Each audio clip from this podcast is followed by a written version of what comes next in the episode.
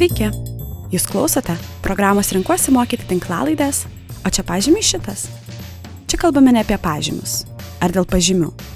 Su mokytojais, švietimo ekspertais, renkuosi mokyti bendruomenę, čia kalbame apie švietimą, ugdymą, patirtis mokyklose ir ne tik. Apie vaikus, psichologiją, apie tyrimus čia ir svetur. Kviečiame pasinerti į švietimo pasaulį, kuriame yra kur kas daugiau nei vien tik pažymiai.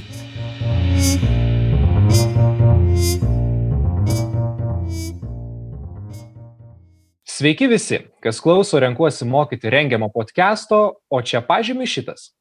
Šiandieną su jumis esu aš Laurinas Kudijanovas, renkuosi mokyti 11 kartos narys, Vilnių Švento Kristoforo gimnazijos istorijos ir pilietinio ūkdymo mokytojas. Šį kartą nusprendėme padiskutuoti, mano galva, labai svarbia, aktualia ir kuo toliau, tuo labiau su visos Lietuvos švietimo bendruomenė susisaistysiančia tema - mišrus mokymas. Visai neseniai dar grįžę po vasaros atostogų, nors žinoma, neipatingai ilgai, tačiau jau turėjome galimybę pajusti, ką reiškia dar vienas mokymo ir mokymosi būdas. Vat būtent mišrus mokymas. Galima kelti hipotezės, mąstyti, jog ateityje su juo susidursime dar ne kartą, o galbūt dalis švietimo bendruomenės, tiksliau dalis mokyklų, netgi pasuk šio modelio taikymo kryptimi. Ir tai vyks nebūtinai dėl ekstremalių situacijų. E, čia savaime iškyla garsaus Lietuvos archeologo, istoriko, e, šiandieninio Vilniaus universiteto komunikacijos e, fakulteto dekano Rimvido Laužyko mintis, jog šiandieninė visuomenė gyvena mišrios taktikos laikais, kuomet gyva, komunika, gyva komunikavimą, darbą, laisvalaikį mes tarsi kombinuojame su skaitmeninėmis paslaugomis, kaip apsipirkimai elektroninėse parduotuvėse, ta pati elektroninė bankininkystė ir taip toliau. Jo manimu, mišraus mokymo pritaikymas mokyklose tarsi praturtintų jaunus žmonės ar juos tiesiog paruoštų integracijai į šią minėtą realybę.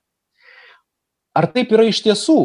Mes ir bandysime išsiaiškinti. Šio podcast'o metu paliesime įvairias mišrių mokymų, susi, mokymų susijusių temų, kaip patirtys, ar jau matyta situacija, bei galiausiai perspektyvos. Na, o kokybiškiau aptarti bei pilnai atskleisti šiuos mišraus mokymo ypatumus mums pagelbės Vilniaus Fabionišių gimnazijos chemijos mokytoja, e, renkuosi mokyti aštuntosios kartos narė bei alumnė Emilija Zakaitė. Labas, Emilija. Labas, Laurinai. Na, labai malonu, kad sutikai e, pasikalbėti šią išties labai svarbia tema. Ir pirmiausia, aš norėčiau paklausyti tavęs, tai kaip tu asmeniškai esi susijusi su mišriu mokymu, kokia konkrečiai yra tavo patirtis šioje srityje? Mano patirtis yra tokia, kad šiuo metu esu ne tik mokytoja, bet esu ir Kauno technologijos universiteto edukologijos stu, magistro studijų antro kurso studentė ir būtent šią temą rengiuosi rašyti magistrinį darbą.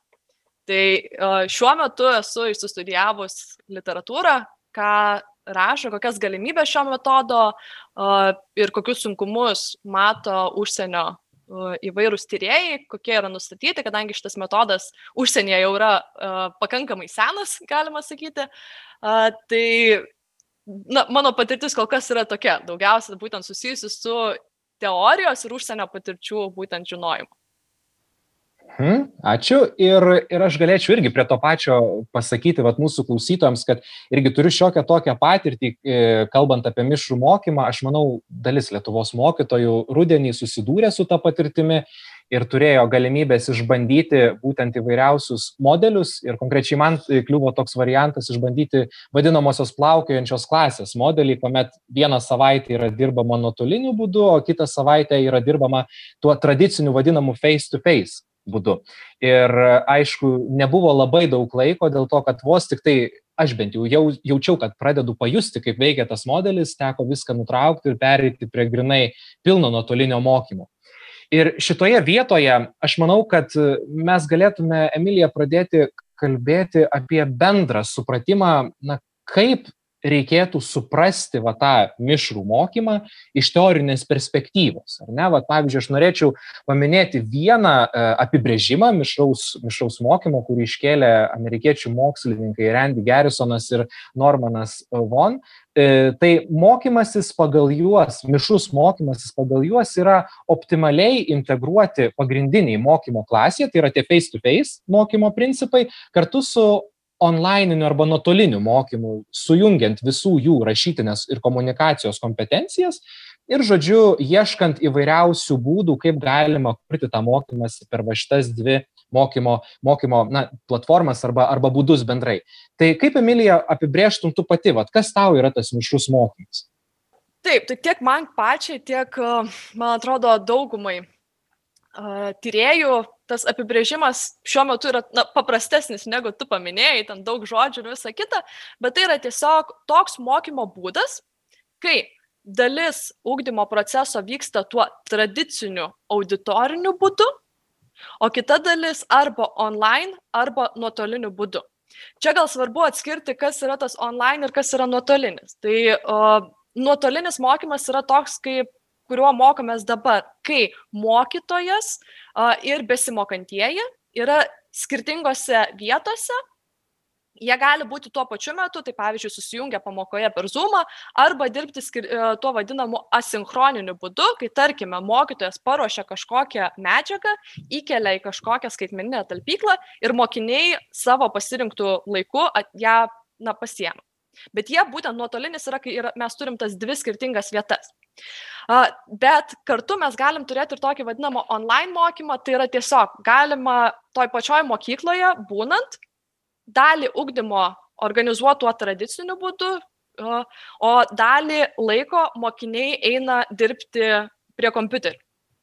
Tai yra būtent tas online komponentas. Tai vadinasi, mes galim turėti kaip ir nu, galima sakyti, tokius du mišru, mišraus mokymosi pagrindinius būdus. Arba mišrus mokymas, kai visi yra toj pačioj vietoj, yra mokykloje, arba mišrus mokymas, kai online komponentas yra uh, atliekamas per nuotolį.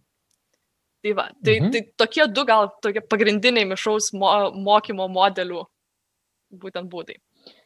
Aha, aš kaip suprantu, e, Emilija, ką tu sakai, tai turbūt labai svarbus mišriame mokyme na, aspektas tai yra erdvė, kur yra mokomasi. Ir taipogi labai svarbu, kad būtų derinama tavas, tas tradicinis mokymas klasėje su vat, nuotoliniu mokymu, e, na, sakykime, per, per elektroninę erdvę vienokią ar kitokią. E, o aš žinau, kad problema yra ne vien tik tai E, pačio apibrėžimo supratime, bet ir pačioje savokoje, ypač kalbant apie vat, anglakalbę literatūrą, teko nekartą skaityti įvairius straipsnius, kad vienur e, mišrus mokymas yra vadinamas blended learning, galbūt netgi dažnesnis, bet tai, yra, bet tai nėra vienintelė savoka. Tai gali būti ir hybrid learning ir aš tikiu, kad kai kurie mokslininkai gali atrasti ir dar įvairių kitokių galbūt apibrėžimų šitam reikalui. E, ir kaip tau atrodo, ar čia yra kažkoks skirtumas, ar mums reikia žinoti tas savokas, skaitant, domintis ir panašiai, Ir, ir apskritai, ar svarbu žinoti mišaus mokymo teorinės visas va šitas peripetijas? Kiek mokytojų jos yra svarbios? Na čia taip gal pradėsiu nuo to klausimo apie tai, na, va, tas hybrid learning ir blended learning, kas yra. Tai iš tiesų, man atrodo, kad na, šita problema sampratos apibrėžimo bet kokiame socialinėme moksle atsiranda, kai atsiranda kažkoks naujas na, procesas, naujas kažkoks metodas edukologijoje ar panašiai, ar modelis kažkoks ūkdymo, kad tol, kol yra priimta priimtas kažkoks pavadinimas bendras tam dalykui ir, ir visa visuomenė, ar ten mokslininkų, ar galų gale mokslininkų ir praktikų priema, kad gerai, mes šitą dalyką taip vadinsim, tol dažnai sampratos pavadinimas būna labai įvairus. Tai su šita būtent samprata, kas yra blended learning ir kas yra hybrid learning, daugiau mažiau tai ir, yra nutikę, kad vieni tai vadina vienaip, kiti vadina kitaip. COVID-19 pandemijos metu labiau išiškėjo skirtumai tarp šitų dviejų uh, sampratų. Tai Lietuvoje mes to vadinamo hybridinio mokymo tiek daug uh, tikriausiai nepatyrėm. Aš įsivaizduoju, kad tikrai buvo situacijų, kur, kur patyrė žmonės, kai jeigu vyko tie vadinami lokalūs karantinai mokyklose, rugsėjo šitą spalio mėnesiais. Amerikoje, kiek žinau, ir kitose pasaulio šalyse daugiau buvo taikytas tas hybridinis mokymas. Tai šiuo atveju hybridinis mokymas nuo to mišaus mokymo kuo skiriasi? Tai kad hybridinio mokymo metu dalis mokinių su mokytojais dirba klasėje, o kita dalis tuo pačiu metu dirba iš namų ir yra prisijungę prie tos pačios pamokos. Tai šitas metodas daugiausia buvo taikytas ten, kur uh, mokiniai dėl, uh, arba kartais netgi mokytojai dėl vienokio ar kitokių priežasčių, tai ar tai būtų savizolacija, ar tai būtų tie variantai, kai turim, tarkim, mokinį kokį nors, kuris yra imuno, imunocompromised, uh, kad jie turėjo, tiesiog negalėjo eiti ir dirbti su visais vien dėl tos rizikos užsikrėsti virusų. Tai, va, tai būtent hybridinis mokymas vyksta tuo pačiu metu, tik tiek, kad dalis mokymo to, to dalyvių yra per nuotolį prisijungę. O tas mišrus mokymas tai daugiau va, buvo tas, kad visi dalyviai vienu metu dalyvauja tradicinę mokymę, kitu metu dalyvauja nuotolinę mokymę.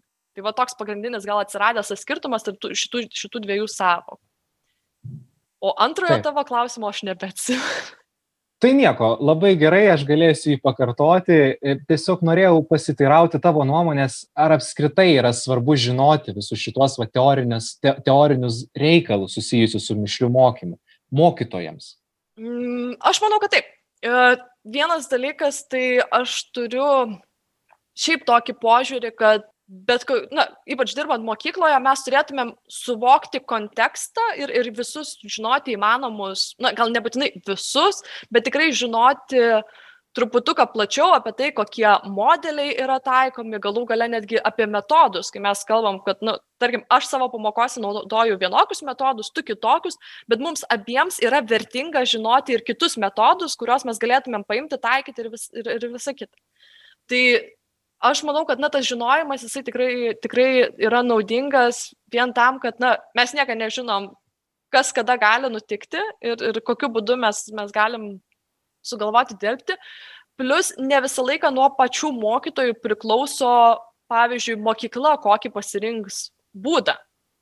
Tikrai aš manau, kad atsiras ir, ir mokyklų, kurios dėl vienų ar kitų priežasčių ateityje gali pasirinkti šitą būtent modelį ugdymo proceso organizavimo ir, ir tada tiesiog, na, mokytojai, dirbantis toje mokykloje, turės vienaip ar kitaip prisitaikyti. Tai žinoti apie tai, kas tai yra, kaip tai veikia, kaip tai galima įgalinti ir, ir, ir naudoti savo pamokose, tai tikrai yra naudinga. Tai, taigi aš manau, kad apie mokytojų vaidmenį mišraus mokymo metu mes dar tikrai vėliau pakalbėsime, tai yra labai svarbi ir įdomi tema. Uh, tačiau dabar norėčiau pirmiausia su tavimi aptarti specifinį vieną aspektą, kuris, manau, ir klausytojams turėtų būti labai įdomus. Tai yra, kokie yra to mišraus mokymo modeliai. Nes mes žinome, kad jų yra tikrai ne vienas ir ne du. Štai vienas turbūt žinomiausių, kurį dalis Lietuvos mokyklų ir mokytojų taikė rudens laikotarpiu, kuomet mes turėjome galimybę dar dirbti vat, tam tikrų to mišraus mokymo būdu, yra mano jau minėtas plaukiančios klasės arba dar plačiau to periodinio pasikartojimo modelis e, kurį kaip vieną iš mišraus mokymo būdų vat, ir aptarė savo garsiojoje knygoje Handbook of Blended Learning e, Grahamas.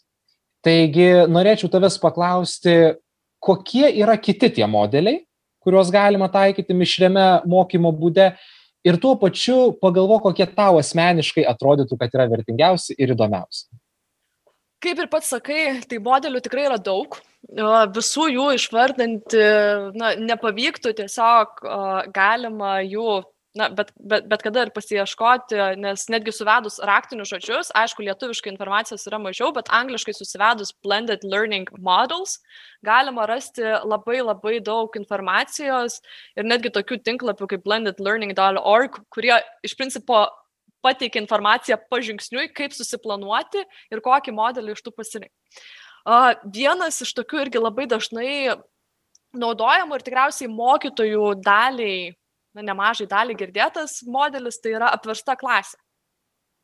Apverstos klasės modelis, na, jo pagrindinis principas yra toksai, kad vietoj to, kad nauja teorinė medžiaga būtų mokomasi kontaktinio, na, tuo tradiciniu būdu, tai yra ateina mokiniai į klasę ir tada sužino naują informaciją, vietoj to nauja teorija yra pateikiama mokiniams mokytis individualiai dažniausiai na šiais laikais jau irgi naudoja mokytojai šitą tuo vadinamu mišriu būdu tai pateikia tą informaciją internetu ar tai per kažkokias platformas na kai kuriais atvejais būna kad siūloma yra ten paskaityt vadovėlį ar, ar panašiai, bet didžioji dalis mokinių vis tiek tos informacijos ieško internete arba jinai jiems yra mokiniams jau pateikiama būtent paruošta mokytoja. Ir tuomet, iš, sužinoję tą teoriją, jie atėję į klasę užsiema kitomis veiklomis, kurios jau yra tų žinių pritaikymas. Na tai vienu atveju tai gali būti kažkokių uždavin, užduočių sprendimas, nu, tarkime, matematikoje. Mokomės e, kokias nors ten lygtis spręsti, mokiniams, tarkim, yra užduodama namuose pasižiūrėti video, kur paaiškinama, kaip tas lygtis spręsti, atėję į klasę, jie jau sprendžia tas lygtis ir tada mokytojas gali padėti, jeigu jiems kyla kažkokie klausimai. Iš principo čia tiesiog sukeičiam, ką dažnai mokytojai užduoda kaip namų darbus, atlikti tas užduotis, tai čia atvirkščiai. Namuose yra užduodama išmokti, te, sužinoti tą teoriją pasidomėti, o klasėje yra naudojamas, klasės laikas naudojamas užduotims atlikti ir tada iš karto mokytas gali padėti. Šitas modelis tinka ir, pavyzdžiui, gamtos moksluose. Teko man būtent nagrinėjant tyriejų įvairių atliktus tyrimus, mokslininkų atliktus tyrimus, rasti ir tokių variantų, kai būtent apverstos klasės modelis yra naudojamas prieš laboratorinius darbus. Dažnai pati aš susiduriu su tokia situacija, kad mokiniai atlikdami laboratorinį darbą, kadangi yra įvairios rizikos, sudaužysiu čia ką nors, supilsiu ir kas nors netaip sureaguos ar panašiai, jie dažnai, na, pradėjus laboratorinį darbą, pasiema aprašą ir pradeda save kvestionuoti, duosi, ar aš tikrai perskaičiau čia teisingai, ar tikrai šitą aš turiu padaryti ir, ir, ir panašiai. Tai vienas iš būdų pritaikyti tą apverstos klasės principą, tai duoti jiems prieš laboratorinį darbą klasėje, laboratorijoje, duoti virtualų laboratorinį darbą, kuris būtent, na, kurio metu mokiniai be jokių tų rizikų gali tą laboratorinį darbą išbandyti. Visus žingsnius, ką po ko man reikės daryti. Nes netgi jeigu tu vaikam na, pateiki laboratorinio darbo aprašą prieš, jie skaitydami nu, ne visą laiką gali įsivaizduoti, ką jie ten žingsnis po žingsnio darys. Buvau kelis, netgi būtent tokius tyrimus buvau radusi šitą tematiką ir tikrai vertinamas yra, yra teigiamas, ten daugiau buvo tokie tiesiog kaip mokiniai vertina tokio modelio taikymą, tai kad e, vertinimas buvo, kad taip, man tai padėjo geriau suprasti, ką aš turiu daryti šitame darbe.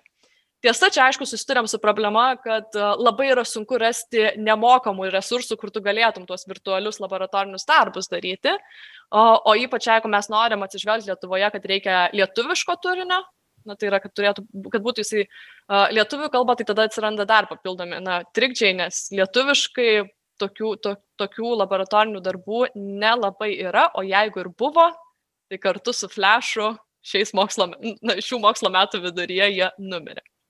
Tai va, pačių modelių šiaip yra ir daugiau, yra ir tokie tie vadinami station rotation, net nežinau, ar, ar yra lietuviškas atitikmuo, ar tau yra žinoma, kaip galima tai lietuviškai pavadinti? Greičiausiai, jeigu neklystu, e, šituos terminus yra išvertęs straipsnėje mano minėtas Rimantas Laužikas ir aš, jeigu neklystu, jis pavadino tai e, pasikartojančių stotelių modeliu. Tai pakankamai tiesiogiai išversta, bet gal ir suprantama, nežinau.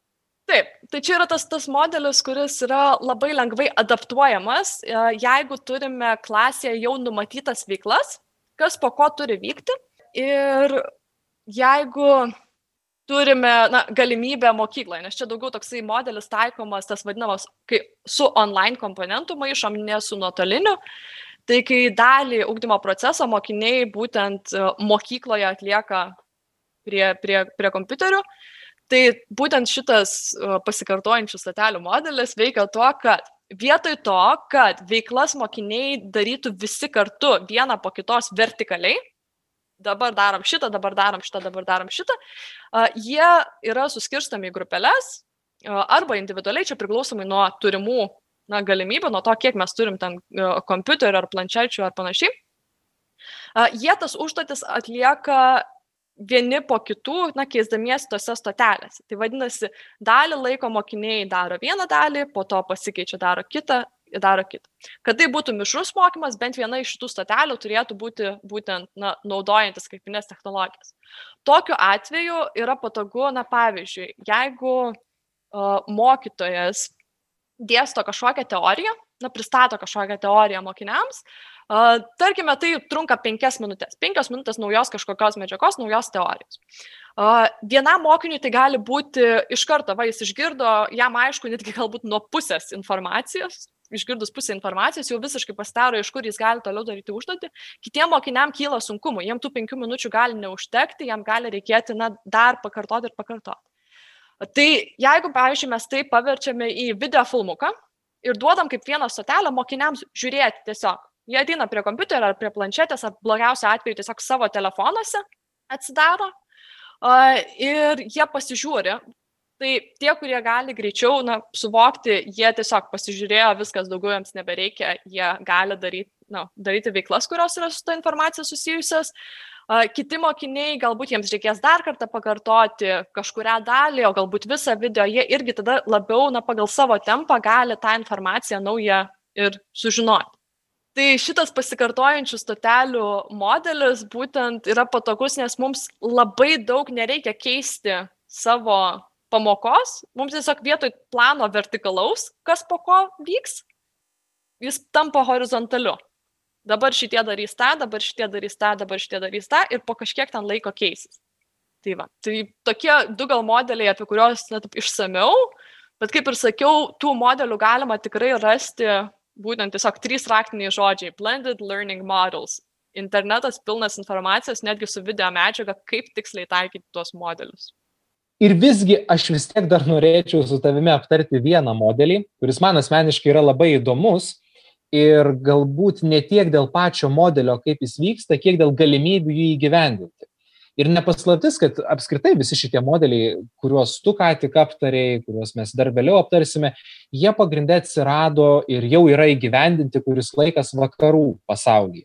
Didžioji dalis jų būtent Junktinėse Amerikos valstijos. Ir, pavyzdžiui, mokslininkai, kurie ten e, juos jau yra aprašę, tai yra su jais jau ir susidūrę ir matę, kaip jie funkcionuoja ir praktikoje. Ir vienas iš tokių vat, modelių, kuris mane labai domina, tai yra savarankiško derinimo modelis. Taip trumpai tariant, tai yra, kai vaikas pats pasirenka mokslo metų programoje, kurias dalis, pavyzdžiui, ten matematikos, istorijos ar kažko tai kito, jis mokysis face to face klasėje su mokytoju gyvai, o kažkokias dalis e, mokysis nuotoliniu būdu. Esminis dalykas, kuo tai skiriasi, aš kaip suprantu, nuo, pavyzdžiui, kokio e, periodinio pasikartojimo modelio, kuris yra mokytojo sudėliotas, kuri dalis bus kokia, tai šitame mano minėtame modelyje pats mokinys pasirenka. Jis yra įgalintas susiplanuoti, na, tam, tam, tikrą prasme to mišraus mokymo tvarkaraštį. Kaip tau atrodo, kiek yra problemų įgyvendinti tokį modelį Lietuvoje, pavyzdžiui? Daug. Taip paprastai sakant, daug. Iš tiesų, čia mes susidurėm tada su keliais dalykais. Uh, pirmas klausimas tada, žinai, kyla. Ar mes leidžiam jam kažkokį dalyką pasirinkti mokytis nuotoliniu būdu. Tarkim, chemija, fizika 11-12 klasėje, kas irgi yra viena iš tokių problemų, tai uh, susidarant individualius mokymosi planus, būna mokinių, kurie nukenčia uh, vien dėl to, kad yra limitas, kiek tu gali pasimti valandų tikrai esu žinau tokią variantą ir dabar turiu dešimtokų, kurie sako, kad aš noriu pasimti visus tris gamtos mokslus, nes aš žinau, kad man jų ateityje reikės visų trijų. Uh, Bet aš negaliu, nes man tiesiog yra, aš privalau pasimti socialinių mokslų bent vieną ir taip toliau, ir man susidaro visas limitas, man nebetelpa. Arba netgi jeigu telpa į tą pamokų limitą, tada nėra galimybės sudaryti tinkamą tvarkaraštį ir bet kuriuo atveju jisai vieną iš tos mokslo ar ten pasirinktų dalykų gauna mokytis vadinamuoju eksternu. Tai tokiu atveju tikrai, tikrai, tikrai galima pritaikyti, bet čia tada mokytojas turi turėti visą tą informaciją, na, arba ten keli mokytojai, čia labai priklauso, nu, pavyzdžiui, jeigu jūs esate keli istorijos mokytojai mokykloje, jūs galite kažkokį modulį ir kažkokį na, virtualų modelį kurti kartu. Tai, ne, tai nebūtinai, kad tai turi būti vieno kažkokio mokytojo mokykloje dalykas. Tai jeigu yra keli to dalyko mokytojai, jie tikrai tą ugdomąjį turinį gali kurti kartu ir tiesiog naudoti. Um, tai pirmas dalykas, mes turim turėti paruoštą medžiagą, kad, na, tam mokiniui būtų galima pasiūlyti tokį variantą ir kad nebūtų taip, kad, ai, okei, okay, mes sudarėm galimybę mokiniui pasirinkti, bet mokytojai apie tai nežinojo. Antras dalykas tai yra, na, pas mus mokyklose mes vis dar turim tokį didelį nepasitikėjimą mokiniais. Ne? Ar mes galim pasitikėti to mokinio kompetenciją, kad jisai tikrai pasirinkęs tokį modelį, tikrai įgys na, ta, tas kompetencijas, kurias jis turi įgyti tam, tam tikrame dalyke arba tam tikro dalyko kažkokiame gabaliuke. Aišku, tada atsiranda dar ir tas dalykas, kad jeigu, tarkim, mokinys visą pasirenka visą dalyką mokytis nuotoliniu būdu, ar tas sukurtas nuotolinis turinys bus kokybiškas ir tikrai na, ugdys tas kompetencijas, kurio, kurios yra bendrojo ugdymo programos ir kurias tas mokinys baigęs tam tikrą dalyką turėtų turėti. Tai čia tiesiog atsiranda na, labai daug tokių tiek pasiruošimo klausimų, tai ar tai mokintojo ar mokinio, nes galų gale irgi, jeigu tu pasirenki mokytis kažkokią dalį pats savarankiškai nuotoliniu būdu, čia gal toksai irgi atsiranda, kad, na, vaikai kaip ir turi galimybę patys mokytis, nes informacijos yra daug, galima tikrai rasti e, ir visa kita, bet dažnai jie netgi tą, jeigu daro, tai nėra formalizuojama. Jiems galų gale nėra įvertinamos tos kompetencijos, kurias jie įgyja. Nes e, jeigu mes sudarom galimybę, pavyzdžiui, chemiją mokytis nuotoliniu būdu, tie, kurie pasirenka, jie galų gale, pabaigę tuos mokslo metus, jie turės kažkokį pažymį dieninę, kuris įrod, na, bus kaip įrodymas, dokumentinis, kad jisai kompetencijas įgyjo ir va, buvo mokytas, kuris įvertino jas. Jeigu mokiniai patys tiesiog mokosi, kad ir tą patį dalyką nuotoliniu būdu, jie tiesiog na, negauna to kažkokio galutinio, galutinio to dokumento įrodymo, kad jie tos kompetencijas įgyjo. Na ir čia aišku galima grįžti prie tos pačios na, pirmojo podcast'o temos. Ar, ar, ar tikrai reikalingas yra tas papiriukas, bet, na, jeigu nori ten laikyti egzaminus, jeigu nori galų galę tos įverčius stojant į aukštasis mokyklas panaudoti, na, tai tikriausiai yra reikalinga. Tai bet manau, kad pirmas dalykas tai yra, ar mokykla užtektinai pasitikė mokiniu, kad leistų jam tokį, tokią galimybę pas, pas, pasirinkti. 11-okam, 12-okam gal ir įsivaizduočiau, kad galėtų toks dalykas atsirasti anksčiau. Jaunesniems vaikams daug turėtų atsirasti pasitikėjimo mokiniais ir, ir, ir jų gebėjimų na, valdyti savo mokymosi procesą, būtent Lietuvoje, mokyklose mūsų, kad, kad galėtų toksai modelis atsiras. Taip, aš kažkaip dabar, kai tu pasakoji apie pasitikėjimą mokiniu, man taip labai gražiai prisiminė kolegos, bet to Vytauto Toleikio mokytojo mintis, kuris irgi labai išryškino tą esminę problemą, kalbėdamas, kad Lietuvoje trūksta pasitikėjimo vaikais ir iki kol jo nebus, tol mes dalies tų problemų ir tikrai neišspręsim ir tada yra labai sunku judėti prieki, kalbant ir apie tą patį mišrų mokymą ir jo įdėgymą, taikymą ir panašiai. Tai apibendrinant būtent mišraus mokymo modelių, bet visą šitą mūsų diskusiją, man yra labai svarbu išsiaiškinti tam tikras savokas, vat modelis, metodika, nes įsivaizduokim, aš nelabai suprantu. Aš nelabai suprantu, ar mišraus mokymo modelis yra tolygų metodikai. Ar mes galim dėti čia lygybės ženklą, ar visgi ne, kaip tu sakytum? Šitoj vietoj dėti lygybės ženklo gal nereikėtų, vien dėl to, na, kad žodžiai metodas ir, ir modelis truputuką turi kitas prasmes. Tai pavyzdžiui, mokymo modelis pagal Bruce'ą Joyce'ą tai yra terminas, kuris nusako bendrą mokymo būdą arba planą. Tai yra tam tikra strategija. Tai čia galbūt galima, na, kad paprasčiau būtų su, su, su, suprasti, tai būtent jeigu mes sakysim, kad e, tai yra mišraus mokymo planas arba mišraus mokymo būdas, galbūt bus truputuką, na, aiškiau, nes ypač metodas, modelis, abu du prasideda iš M raidės ir tada gali, na, atsirasti tas uh, kažkoksai su, su, sumišimas. Metodas yra daug siauresnė samprata. Tai ir, ir ne tai, kad samprata, bet pats daug siauresnis dalykas pats iš savęs. Mes tarkime, taikydami mišraus mokymo modelį arba tą mišraus mokymo planą, galim naudoti labai daug skirtingų metodų. Metodai yra jau tos va, specifinės priemonės, kurias mes na, pritaikom pamokoje. Kažkokie yra metodai, kuriais informacija yra perteikiama, na tai ar ten būtų dėstymas, ar būtų kažkokio video peržiūra, ar kažkas tokio, tai jau yra kažkoks specifinis metodas. O, o pats būtent modelis tai yra planas kažkokia būtent e, mūsų na, strategija, gal planas gal labiau tinkantis šitoje vietoje, na žodis, tai yra, kad ta, pažingsniui, kaip, kaip atrodo visas tas mokymo na, procesas. Kada mes darom vienokius dalykus, kada darom kitokius Tai tarkime, gali būti mišraus mokymo tas planas parinktas visoje mokykloje naudojamas vienas mišraus mokymo modelis, tačiau skirtingi mokytojai skirtingose pamokose, netgi to pačio dalyko pamokose gali naudoti skirtingus metodus, nes vieni metodai tinka vienom klasėm, galų gal ir vieniem mokytojams, kitiem mokytojams, vieniem mokiniam, kitiem mokiniam. Tai manau, kad taip, lygybės tikrai nereikėtų dėti tarp modelio ir metodo, bet galima dėti lygybę tarp modelio ir plano arba modelio ir būdo.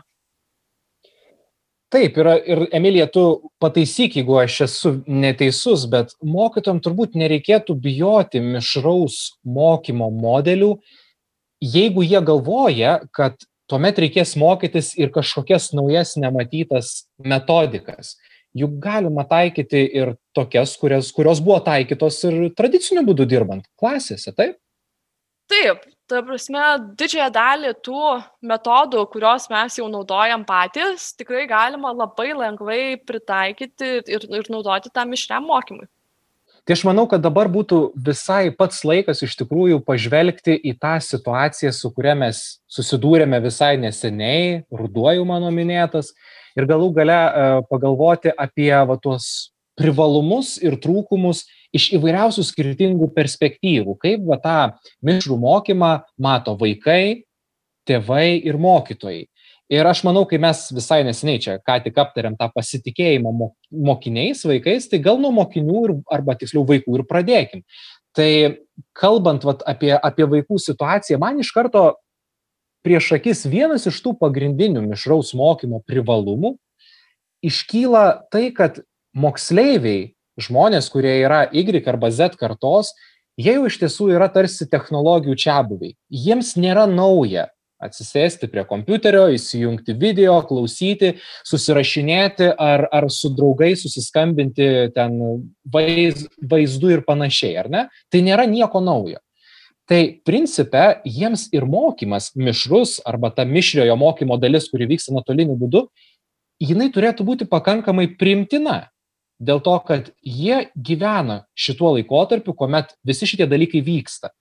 Tai mano galva, tarsi ta, ta erdvė mišaus mokymosi irgi yra pakankamai tinkama. Ir kokia yra tavo nuomonė, vat, kalbant apie privalumus ir trūkumus vat, mišriame mokyme, kalbant apie vaikus, pradėkime nuo jų. Na, aš gal pirmiausia norėčiau atliepti tai, ką tu ką tik pasakėjai. Uh, nors taip nors tie vaikai turi tikrai iš principo yra užaugę jau su, su ekranais per savo akis, bet uh, čia atsiranda ir tokie na, sunkumai, kurie kyla jiems ir ką, ką rašo būtent įvairūs mokslininkai, ką nustato, bet ir kartu, na, tokie kaip ir minusai, ką, ką mato netgi ir Lietuvoje jau tyrėjai, kurie tyrė tą nuotolinį, na, nes vis tiek mišrus mokymas turi kažkokį nuotolinį arba tą skaitmeninio turinio naudojimo komponentą, Tai būtent iš tos pusės, iš to nuotolinio mokymosi, tai vienas dalykas. Tai, kad mokiniai geba naudotis technologijomis, nereiškia, kad jie geba naudotis jomis mokymosi tikslais. Labai dažnai yra susidurima su tuo, kad arba mokinys nemoka tam tikrų uh, na, priemonių naudoti kitų tikslų, negu yra nurodyta. Lygiai tas pats yra, kai uh, atsisėda mokinys, ten nežinau, nu, tarkim, kai kurie mokytojai žinau, kad uh, veda, bent jau pavasarį vedė pamokas naudodami Messengerį. Uh, nu, tarkim, jie susirašinėja su mokiniais per Messengerį ir, ir tokiu būdu, vie, ten, kai jiems kyla kažkokie klausimai, jiems atsakinėja. Bet jeigu tu esi jį atsidaręs ne telefone, kompiuteryje, tau šalia yra didžiulis vaizdas Facebook'o ir tu pradedi jį scrollinti. Tai tas tokia distrakcija. Čia šitoje vietoje atsiranda ir kitos tos kompetencijos, tai yra gebėjimo mokytis savarankiškai. Tai yra vienas iš mokėjimo mokytis, būtent uh, kompetencijos tų dalių, kad gebėjimas savarankiškai mokytis, kartais save motivuoti, atsikelti laiku, prisijungti, o ne tai, kad įsijungiau pamoką Zoom, atsidariau žaidimą ir, ir pradėjau žaisti. Na, aš pati esu susidūrus su tuo, kai vaikas netyčia pamokos metu įsijungia garsą ir tu girdi, kad jisai gėmina gale, nu, fone. Ir tada klausimas tėvų kvailo, kodėl mano vaikas tokius pažymius turi, nu, nes jisai pamokoje neskiria dėmesio pamokai. Ir čia yra tas toksai, kad jie, jie lengvai labai distraktinasi, nes jie tiesiog neturi to gebėjimo būtent mokytis ir tą laiką, kai jie atsisėda prie kompiuterio, iš tiesų skirti mokslui, o ne tiesiog kompiuteriui. Kitas dalykas, kas atsitinka ir ką netgi nustatė VAU, berots mokslininkai, tai tirdami pirmojo karantino metu vykusi nuotolinį mokymą, tai kad vaikai dėl to, kad jų mokymas yra prie ekranų, na, prie ekranų šiais, šį kartą tai yra, na, taip sakant, ne dėl to, kad mokytojai pasirinko, ne dėl to, kad mokyklos pasirinko, dėl to, kad mes turim na, ekstremalią situaciją ir, ir tą COVID pandemiją visą, bet jie praleidžia tiek tol, kol vyko nuotolinis mokymas, praleido daugiau laiko prie ekranų, bet ir pasibaigus nuotoliniam mokymui, ekranų naudojimas išaugo. Ir čia e, gali priežasčių būti įvairių, bet nu, vienas dalykas, man atrodo, kad jeigu seniau tėvai sakydavo, kiek tu čia gali prie to ekrano sėdėti, nu tai kai, kol mokymas vyksta nuotoliniu būdu, tai tėvai kaip ir galvoja, kad tas vaikas, kartais pagalvoja, kad tas vaikas tiesiog mokosi. Ir, ir, ir ne visą laiką, na, su, sudrausmina ir sukontroliuoja, nes tu negali tiksliai pasakyti, kiek, kiek laiko tas mokinys skiria būtent mokslui. Aišku, čia atsiranda ir tie kiti sunkumai, kad uh, čia tokie gal su, su mokytojų susiję, ta irgi tokia kompetencijų stoka, kai jie ne visi adekvačiai paskaičiuoja, kiek laiko mokiniams užtruks mokytis ir kad namuose mokslas tikrai trunka, na, tempas sumažėja, tai nebėra tas pats tempas, kurį gali išlaikyti klasėje. Tai gaunasi, kad jie užduoda vaikams, na, tiek užduočių, kiek užduotų klasėje, bet jie tiesiog vaika, vaikam tas laikas prasitempia. Ir, ir gaunasi, kad jie nuo ryto iki vakaro sėdi prie, prie namų darbų ir, ir dirba, dirba, dirba, dirba visą laiką prie ekrano ir, ir klausimas, kiek po to na, mūsų nemato klausytojai, mes abu su Laurinu sėdėm su akiniais, tai klausimas, kiek mokinių prisijungs prie mūsų ir irgi sėdės su akiniais uh, vėliau.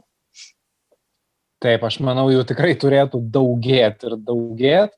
Ir galbūt vėlgi, kalbant apie tai, tas nuotolinis mokymas, mišrus mokymas, kur, kurio dalyje yra tas nuotolinis taipogi, jisai vykstant namuose aplinkui yra labai daug tos distrakcijos ir šeim, šeima, kuri kažką tai veikia, kažką tai daro, pašaliniai garsai, tai apsunkina susikaupimą, ne vien tik tai tas ekranas gali blaškyti, bet ir tai, kas vyksta aplinkui. Dėl tos, tos tylos tu negali šimtų procentų turbūt užtikrinti būnant namuose ir tas, aišku, irgi prisideda prie to prailginimo, namų darbų ruošimo ir panašiai. Taip, na ir kitas dalykas yra tas, kad jeigu tu sėdi klasėje, uh, yra tas, kad tavo bendraklasiai sėdintys su tavim kartu, jie šiek tiek tave motivuoja irgi susikaupti, daryti tas užduotis tam, tam, tam tikrų metų. Aš apie šitą prieš kelias dienas va čia kalbėjausi su mokiniais, kad jie sakė, iš tiesų labai pasilgo grįžimo į klases, būtent dėl šito dalyko, kad sako, aš nebegaliu, sako, savęs motivuoti, aš nematau šalia žmonių, kurie tą patį darytų ir man atrodo, ypatingai jeigu tai yra, tarkim, vienas vaikas na, na, šeimoje, Tai tu vienas vienintelis sėdi nuo ryto iki vakaro mokaisi, tavo tėvai ten dirbo, jeigu dar jie dirba darbo vietose, o ne iš namų, tai tu toks vienas esi likęs po, nu, jau po to tikrai atsiranda ta vidinės motivacijos labai reikia daug. Ir nors, pavyzdžiui, tyriejų yra nustatyta, kad tinkamai na, naudojamas ir dėgiamas tas mišrus mokymas, tai yra kai nemechaniškai sujungiama, kad va čia nuotolinis komponentas, va čia, čia šitas uh, kontaktinis arba tas tradicinis auditorinis būdas, tai jeigu tikslingai yra organizuojamas mišrus mokymas, padidėja mokinių bes, na, ta motivacija. Bet kita vertus, tie patys tyrėjai, na, ne, ne visą laiką visiškai tie patys, bet irgi tyrėjų yra nustatoma ir tai, kad vienas iš sunkumų, kuris kyla ir iššūkių mokiniams, tai būtent ta motivacija. Nes uh, bent dalį laiko tu turi mokytis savarankiškai. Vadinasi, tu turi save motivuoti, kaip sėdėdamas namuose arba kažkur kitoje erdvėje, kaip tu, na, va, save užmotivuosi, kad tau reikia kažką padaryti ir mokytis. Bet visgi, Emilija, tai kokie būtų tie kiti pliusai, privalumai to mokymo mišraus? O, iš mokinių perspektyvos tai vienas iš tokių kaip didžiausių, na ir šiaip ir, ir ne tik iš mokinių, bet ir iš mokytojų perspektyvos, tai vienas iš didžiausių tokių įvardyjamų privalumų arba galimybių būtent mišraus mokymo staikymo tai yra lankstumas. Čia gal daugiau būtent na, nagrinėjimas yra toksai panašesnis į tą apversos klasės principą, tai yra, kad teoriją mokiniai mokosi patys savarankiškai, Nebūtinai apversos klasės principų, bet tiesiog, kad na, daugiau to teorinio turinio duodama mokyti savo tempu.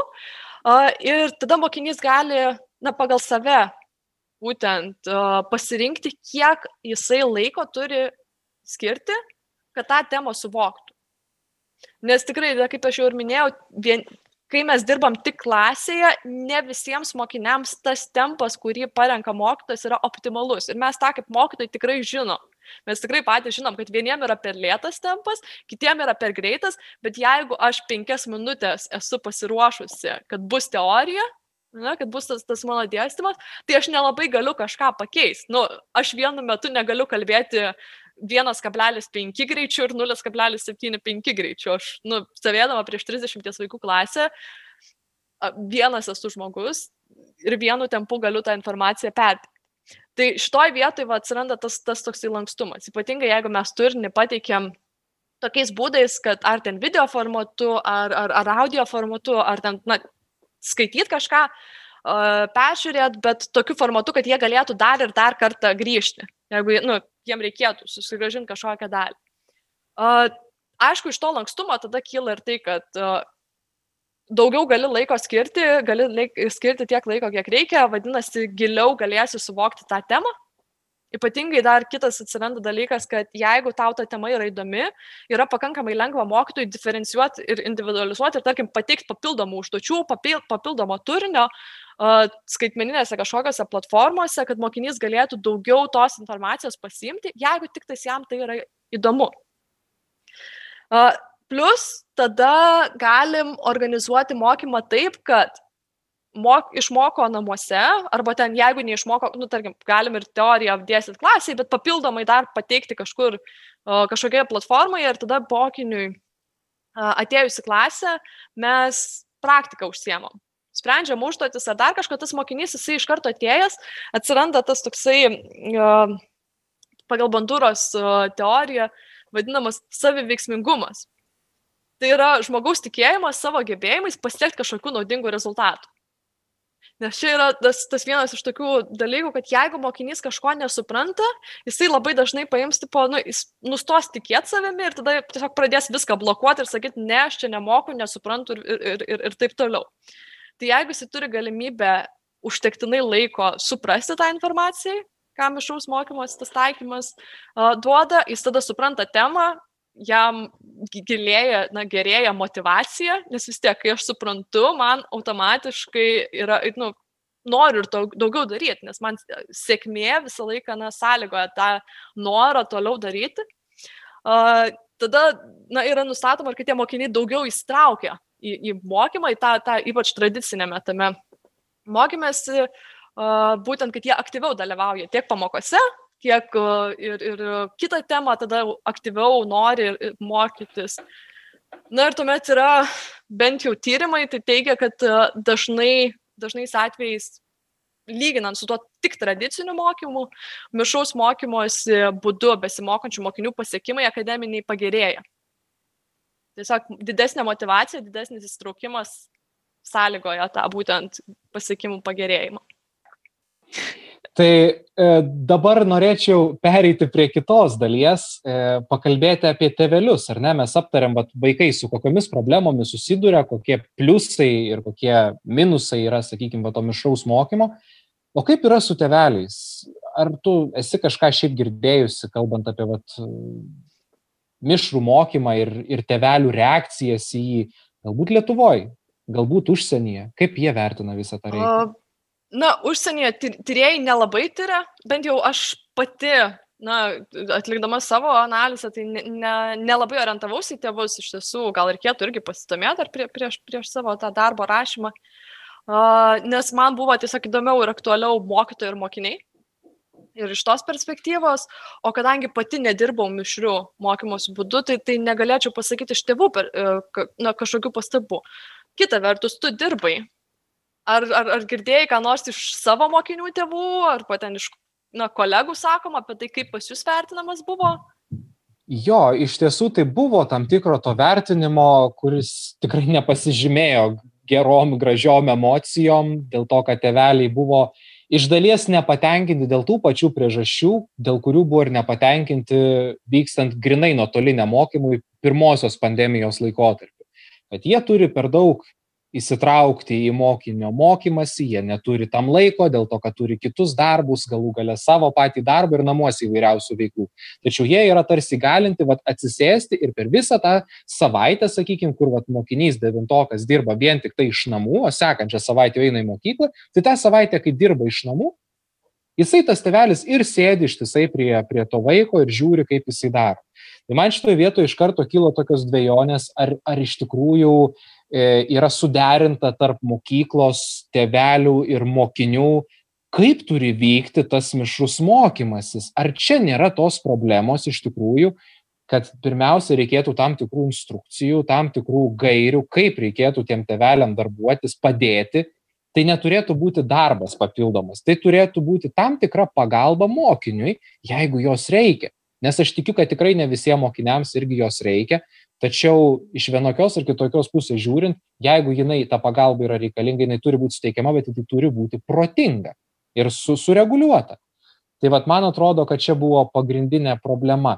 Ir aš manau tu esi girdėjusi kad europos komisija yra išleidusi tam tikras gaires būtent vat dvidešimtų dvidešim pirmų metų e, metų mo mokslo metams kalbant apie mišrų mokymą. Ir ten yra nemažai kalbama būtent apie tėvelių įsitraukimą, kaip turėtų būti tas darbas reguliuojamas ir kaip turėtų tėveliai žiūrėti, prižiūrėti arba pagelbėti tiem moksleiviam. Bet ten pagrindinis dalykas, kiek aš prisimenu, tai yra būtent, kad va, turi būti tas bendradarbiavimas tarp mokyklos bendruomenės, tarp tėvelių ir tarp mokinių. Tai, va, manyčiau, tai yra svarbu. Aš manau, kad šitoje vietoje dar yra svarbu atsižvelgti į na, mokinio amžių.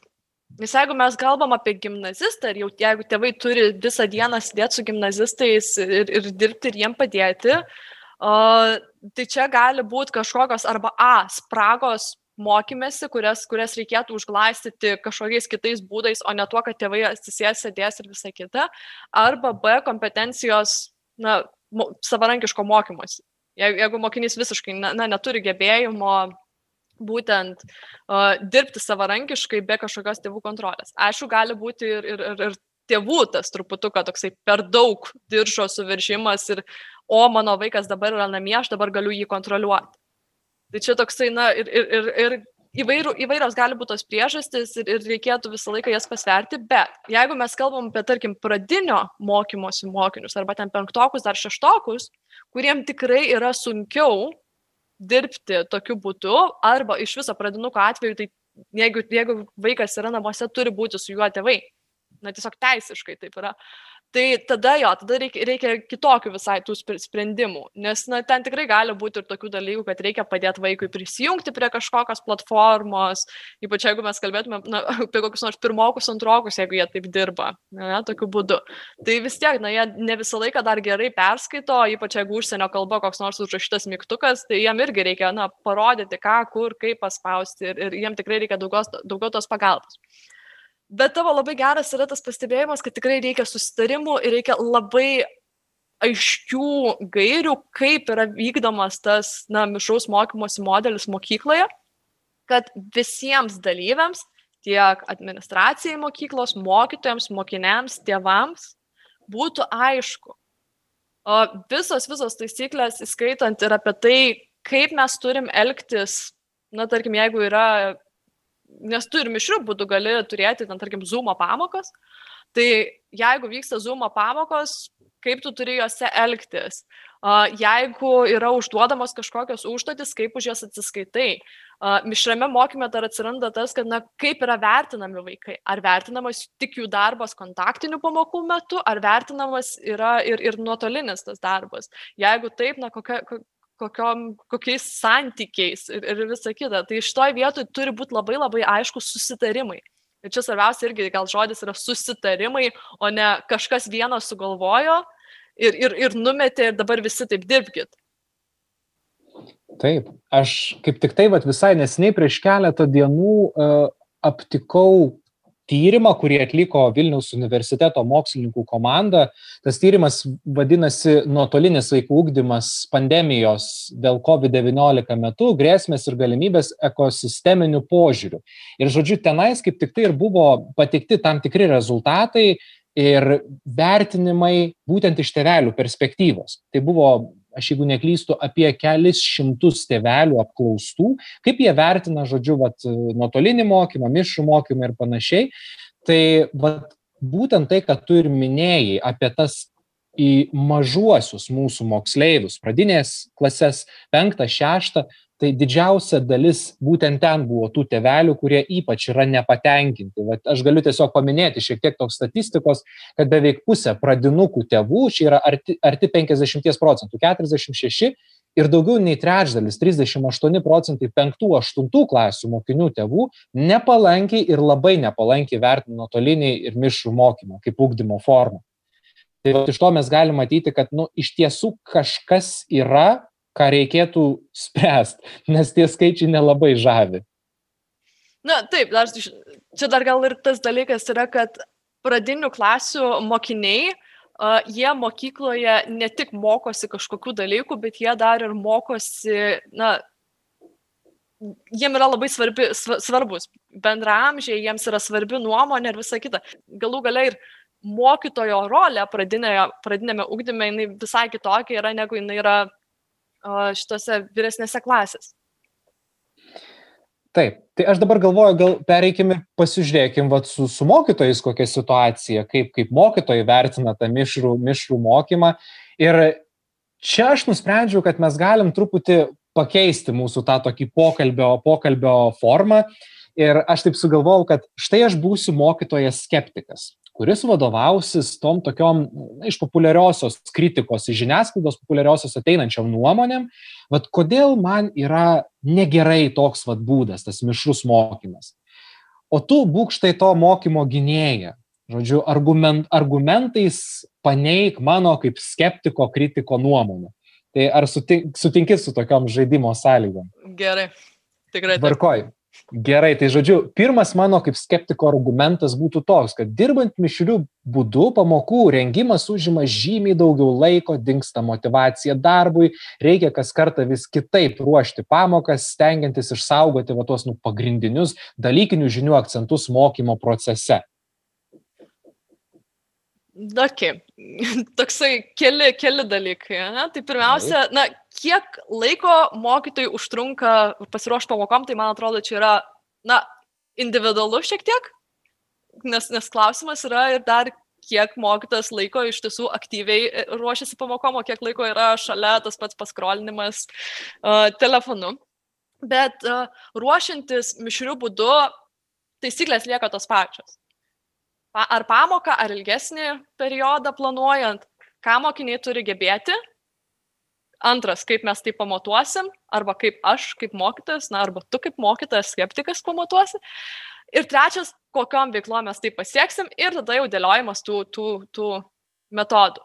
Na taip, jeigu aš žinau, kad aš noriu ten per vieną mėnesį pasiekti tokius dalykus ir žinau, kad iš tų, o, tarkim, ket, po vieną savaitinę pamoką, tai keturios pamokos per mėnesį, žinau, kad dvi bus nuotolinės, tai galvoju, kokios veiklos tinka nuotoliui, kokios veiklos tinka kontaktui ir tada dėlioju tiesiog tą viską laikę.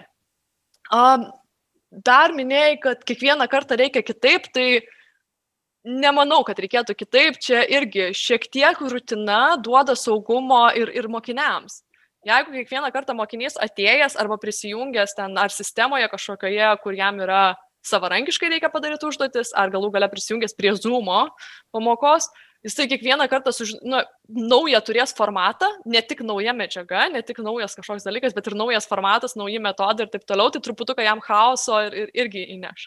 Iš tiesų, tikrai galima susikurti tokią sistemą, kuri tinka tiek tau kaip mokytojui, tiek tinka mokiniams, aišku, pirmą kartą reikės ją kurti labiau teoriškai, kaip aš įsivaizduoju, kad aš galėčiau uh, tą, tą viską padaryti, vėliau šitą, vėliau jau galima, na, patirtimi remiantis, tinka, netinka metodai, tinka, netinka kažko, kažko, kažkokios platformos ar panašiai uh, pristaikyti, bet rutina nėra blogai.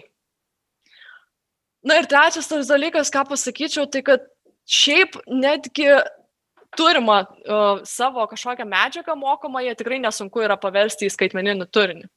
Jeigu turi skaidres kažkokio dalyko, per PowerPoint'ą yra mygtukas, kur galima įrašyti savo balsą ant visų skaidrių, tiesiog visas papasakot, išsaugot šitą keturi arba kitų video formatu, viskas, turiu iš savo skaidrių paruoštą video. Tai lieka tik įkelti į atitinkamą platformą, kokią noriu, pasidalinti su vaikais nuorodą ir mano pamoka vietoj to, kad aš dėščiau, tapo skaitmeninė pamoka.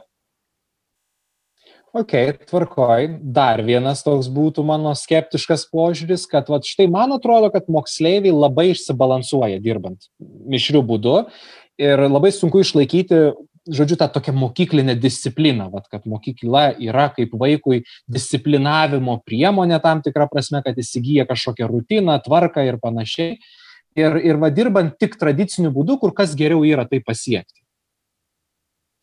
Nu, čia aišku klausimas yra, o ką tu nori pasiekti su tuo vaiku ir kodėl jam būtinai yra labai labai labai didelė rutina. Tai um, taip, čia tikrai yra tiesos, bet aišku, tai priklauso ir nuo to, ar yra susitarimas ir aiški strategija, kada ką jis kaip turi padaryti. Jeigu jisai, na, čia kaip įsivaizduoju, gal daugiau, gal, ta, ta mintis yra apie tą tokį vieną savaitę klasėje, vieną savaitę nuotoliniu būdu, na, tą plaukiant, plaukiančią klasę vadinamą, Tai uh, reik, tai, taip tikrai yra, yra, yra tame tiesos ir, ir tos rutinos šiek tiek reikia, bet reikia tuomet ją kurti. Nu, tu negali tikėtis iš mokinių, kad jie visiškai, va, pirmą kartą įmesti į mišrų mokymasi, patys savarankiškai sugalvos, kaip ir ką ir, ką, ir, ir kodėl daryti. Uh, tai šitoje vietoje reikia tikrai apgalvoti strategiją ir, ir mokykloje, kaip tas mišrus mokymas turi atrodyti, apie tai atvirai kalbėti su mokiniais ir, ir būtent sudėlioti, na, atsižvelgti kartais gal ir jų pačių nuomonę, kas jiem trukdo, kas, kas jiem padeda, galų gale kalbėti su tais pačiais tėvais, kad nesigaudo taip, jog tą savaitę, kai mokinys arba tą dieną, kai mokinys sėdi namuose, atsisėda šalia tėvas kaip prievaizdas ir, ir, ir prižiūri nes galbūt daliai to reikia, bet uh, šitą tikrai yra, na, reikia ugdyti tą savarankiško moky, gebėjimo, savarankiškai mokytis kompetencijas.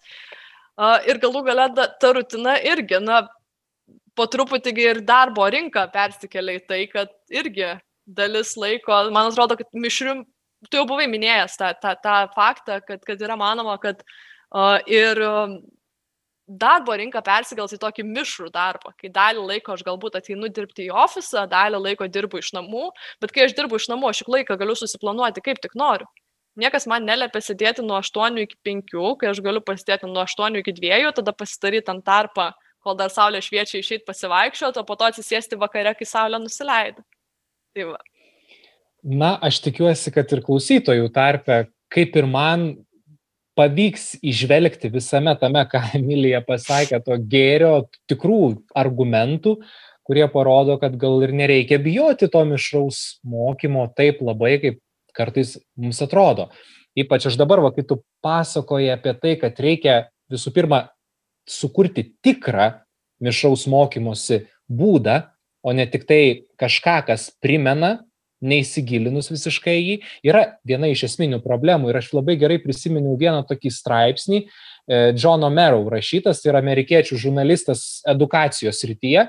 Ir jisai savo straipsnį rašė apie tris didžiausias e, bėdas arba problemas, kuris, iš, kuris išvelgia jas būtent vat, susijusias su mišrių mokymu, tai vieną iš jų jis ir paminėjo, kad pirmiausia, e, problema yra tame, kad ne visi supranta, ar jie dirba mišrių mokymų ar nedirba. Ir va, tai iš tikrųjų sukelia daug pavojus dėl to, kad jeigu tu galvoji, kad tu dirbi mišių mokymų, bet iš tikrųjų tu taip nedirbi, tai ir tu matai, kad yra problema, žinoma, tu apkaltinsi pirmiausia patį mokymo būdą, nesakysi, nu čia nesigauna su juo. Bet iš kitos pusės niekada tu tokiu būdu ir nedirbai iš tiesų. Tai va, man kažkaip labai asociacijos su tuo, e, su tai, ką tu pasakoji, atsirado. Aš gal šitoje vietoje dar norėčiau šiaip papildyti, kad uh, bet, bet ką darant, būtent švietime, visą laiką mes turim žinoti, kodėl mes tą darom, ko mes siekiam Ir kodėl mes taikom? Tai čia lygiai tas pats yra su metodo, bet kokio pamokoje, na, pasiemimu, o, vadovėlio, kokio nors pasirinkimu, kai reikia pirkti ten, tarkim, naujus vadovėlius, arba ten, tarkime, na, jeigu, tarkim, anglų kalbą dėstam ir sugalvom, kad, o, skaitysim su vaikais kokį nors kūrinį, kad jie tiesiog, na, kitos tos kalbos pamatytų, na, grožinės, na, tarkim, anglų kalbos, tai irgi renkantis tą knygą, tu turi labai aiškiai žinoti, kodėl tu tą darai kodėl tu duodi tokią užduotį, kodėl tu dar kažką. Ir čia, čia, man atrodo, vienas iš tokių dalykų, apie ką kartais tiesiog rutinoje užmiršti ir, ir, ir, ir visuose papirizmuose. Tai šitoj vietoje, vietoje yra labai labai svarbu, na ir su pačiu mišriu mokymos modeliu. Kodėl, jeigu mokykla renkasi šitą modelį, kodėl jinai jį renkasi? Tai ne, ne, neturėtų būti taip, kad, ai va, čia naujas, naujas dalykas, naujas pavadinimas, labai labai faina, šitą, šitą mes darom. Ne, tai turėtų būti tikslingai pasirinkta, pasverta ir tada jau, kai tu žinai, kodėl tu tai darai, tada, tada būtent, na, ir tu gali pas, pasakyti, ir, ir galų galę tada gali ir lengvai apginti, kodėl tu tą modelį pasirinkai naudoti. Tiek skeptikui mokytojui, tiek skeptikui vaikui, tiek skeptikui mo, e, mokiniui. Be abejo, šimtų procentų pritariu tau dėl to, kad kaip humanitaras aš dažnai su tos prasmės atveju galiu susidurti, nes ir moksleiviam, ir, ir mokytojam gali dažnai kilti klausimus, kam reikia mokytis vienus ar kitokius dalykus, kodėl reikia mokytis vienaip arba kitaip.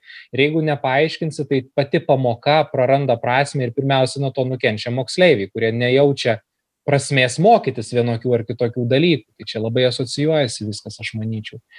Bet dabar jau gal kažkaip norėčiau keliaujant jau link pabaigos mūsų pokalbio aptarti dar vieną tokį esminį momentą. Čia mes dabar tarsi parodėme, kiek gerų dalykų, ar ne, yra, ką, ką mes galime teisingai įgyvendinant miš, mišrų mokymą, ką galima gerų dalykų, kokių galima gerų dalykų pasiekti.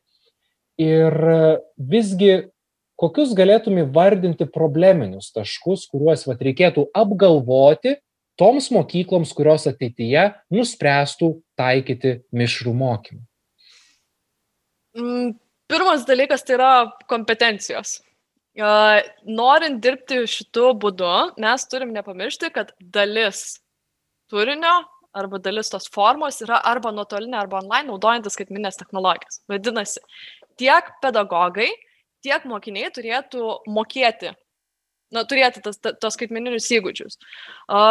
Čia irgi būna tokie, na, ir su, su kuo mes ir dabar susidurėm, aš aišku, nenaudoju Teams'ų, nu, dabar mokymo prasme, aš, mes juos naudojom šiek tiek studijose, bet irgi tam tikros sistemos jos reikalauja tam tikro išmokimo, kaip jie naudotis.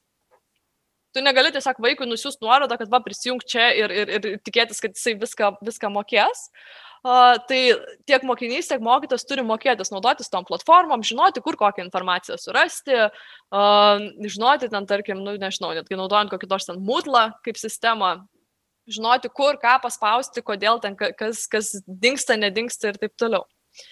Uh, tai čia tiesiog, na, čia svarbu ir, ir pačiai administracijai mokyklos, ta, tas, kadangi uh, mokyklos administracija gali pati ir organizuoti tokius mokymus, na, siekdama savo komandą, pedagogų, supažininti su tom platformom, kurios yra pasirinktos. Kitas dalykas yra tos pačios platformos, ne, tai mes turim žinoti, ką mes naudojam, kokias platformas, kodėl būtent šitas. Lietuvoje yra šiek tiek tokia problema, kad tų platformų yra ir, ir dabar ir tam pačiam nuotolinė mokymė, tai yra, jų siūloma yra daug, bet, bet svarbu yra pasimti vieną, čia, čia ir tam pačiam pagal tavo jau minėtas Europos komisijos tas gairias sukurtas šitą nacionalinės švietimo agentūros nuotolinio mokymo vadovas, tai jisai irgi labai tinka ir, ir tam pačio mišaus mokymosi modelio kūrimui, kadangi turim tą nuotolinio mokymosi uh, dalį. Tai iš tiesų svarbu yra žinoti, kokią, pasirinkti vieną kažkokią platformą tam skaitmeniniai daliai Ar tai būtų Moodlas, ar tai būtų ten Google Suite for Education, ar tai būtų na, kažkokia kita kuriama, galbūt naujai platforma, bet reikia na, žinot platformą, pasirinkti ir jinai turi tikti ir funkcionuoti kaip, kaip mokymosi aplinka virtualaus mokymosi. Uh, taip pat labai svarbu apgalvoti, kaip tas modelis atrodys ir kaip jisai veiks. Na tai jau apie ką mes su tavim kalbėjom, ne vieną, ne du kartus minėta, tai kaip vis, visos taisyklės, viskas turi būti padaryta, apgalvota, galų gale netgi pradžioje žinoti, kodėl mes tokį modelį norim imti, susidėliota dėgymo tvarka, nes vis tiek tai gautųsi mokykloje dažnais atvejais kaip inovacija, tai na, jinai turi tam tikras dėgymo etapus. Sugalvoti galų galę tą pačią sistemą, ne tik kaip vertinsim ten vaikus ar dar kažką, bet kaip gauti grįžtamą į ryšį iš skirtingų dalyvių, apie, galų galę net apie pačių platformų naudojimą. Ir apie turinį reikia irgi, čia mokytam gal labiau galvoti apie turinį, nes irgi turim Lietuvoje tą problemą, tą pačią su, su skaitmeninio lietuviško turinio numirimu kartu su flešu. Kito skaitmeninio turimo, na, čia iš tiesų visai iš, iš, šmaikštu taip žiūrėti, kai aš atsimenu, kad pradžiai mums buvo prigazdinama ir pati kai mokiausi, kad oi, turi visi vardai ir viskas mokykloje būti tik lietuvių kalba, negalima naudoti kitą kalbą, jokio turinio ir taip toliau, nes viskas turi būti lietuviškai prieinama kad mokiniai tikrai visiškai šimtų procentų sutiktų, su, suprastų ir dabar patys šitą NŠA paskelbė sąrašą, kur pusė yra nelietuviško turinio, nes tiesiog lietuviško jo nėra. Lietuviško tu arba turi kurti ir yra planuojama kurti, bet na, porą dar metų turėsim pagyventi be to naujo turinio. Arba turi ieškoti užsienio kalbą, bet tada galvoti ir kaip jį išversti, kaip jį pateikti, kad, kad, kad mokiniai šitą mokėtų. Tuo pačiu, kalbant apie skaitmeninį turinį ir bet kokią kitą turinį, tai mokyklose mes turim tą kitą problemą, tai yra autorių teisių. Čia visokie pratybų skanavimai, vadovėlių skanavimai ir taip toliau, kas pažeidžia autorių teises. Uh, Tai irgi reikėtų šitą dalyką apgalvoti. Bet aš manau, kad šita problema mokyklose kyla dėl to, kad mes tiesiog, na, patys, net kaip pedagogai, nelabai, nelabai susidurėm, nelabai žinom, kas tai yra. O, ir žinau, kad praeitais metais, 2020 metų gale, Meno avilys kartu su Agata ir, ir finansuojami buvo kultu, Lietuvos kultūros tarybos, tai jie išleido tokį edukacinę būtent autorių teisų programą, kuri yra skirta 5-12 klasių mokinių supažindinti su šitą temą, bet man atrodo, kad pirmiausia dar su ta programa ir su, su ta visa tema turi susipažinti ir mokytojai, kad tikrai tų autorių teisų na, nepažydinėtų. Tai manau, manau kad to, tokie pagrindiniai dalykai ir būtų. Na taip, iš ties, aš manau, jie visi tarpusavyje labai yra susiję, ar ne? Daug kas labai išeina iš tų kompetencijų kelimo reikalavimo, tiksliau, kad tos kompetencijos būtų keliamos, tai tada gal ir neatsiras problemų ir su copyrightais, ar, ar naudojimusi vis įvairiausiomis elektroninėmis sistemomis ir panašiai. Tai gal pačiai pabaigai jau dabar. Emilija, dar vieną sykį aš noriu, kad tu užakcentuotum visiems klausytojams ir man tuo pačiu, Tai va tas mišrus mokymas. Kas tai yra? Tai mišrus mokymasis yra toks ūkdymo proceso organizavimo modelis, kai dalis ūkdymo proceso vyksta klasėje, tradiciniu to būdu, o kita dalis arba mokykloje naudojant skaitmininės mokymosi priemonės, arba nuotoliniu būdu. Ir nuo savęs aš tik tai dar gal norėčiau pridėti, kad mokytojai turėtų žinoti, kad tų modelių yra daug, yra jie visi įvairūs ir kad nereikia bijoti taikyti įvairiausių metodikų, kaip galima tas pamokas paįvairinti, padaryti kitokias galbūt, arba tuo pačiu metu ir panašias į tas tradicinės pamokas, dėl to, kad metodikos pakankamai sutinka. Ar neteisybė, sakau aš? Tikrai taip, tikrai teisybė. Na va, tai norėčiau tau labai padėkoti, Emilija, už tikrai, mano galva, produktyvų ir vertingą pokalbį, va čia mišraus ūkdymo tema. O klausytams noriu tarti ačiū, kad klausėte ir iki kitų kartų. Viso.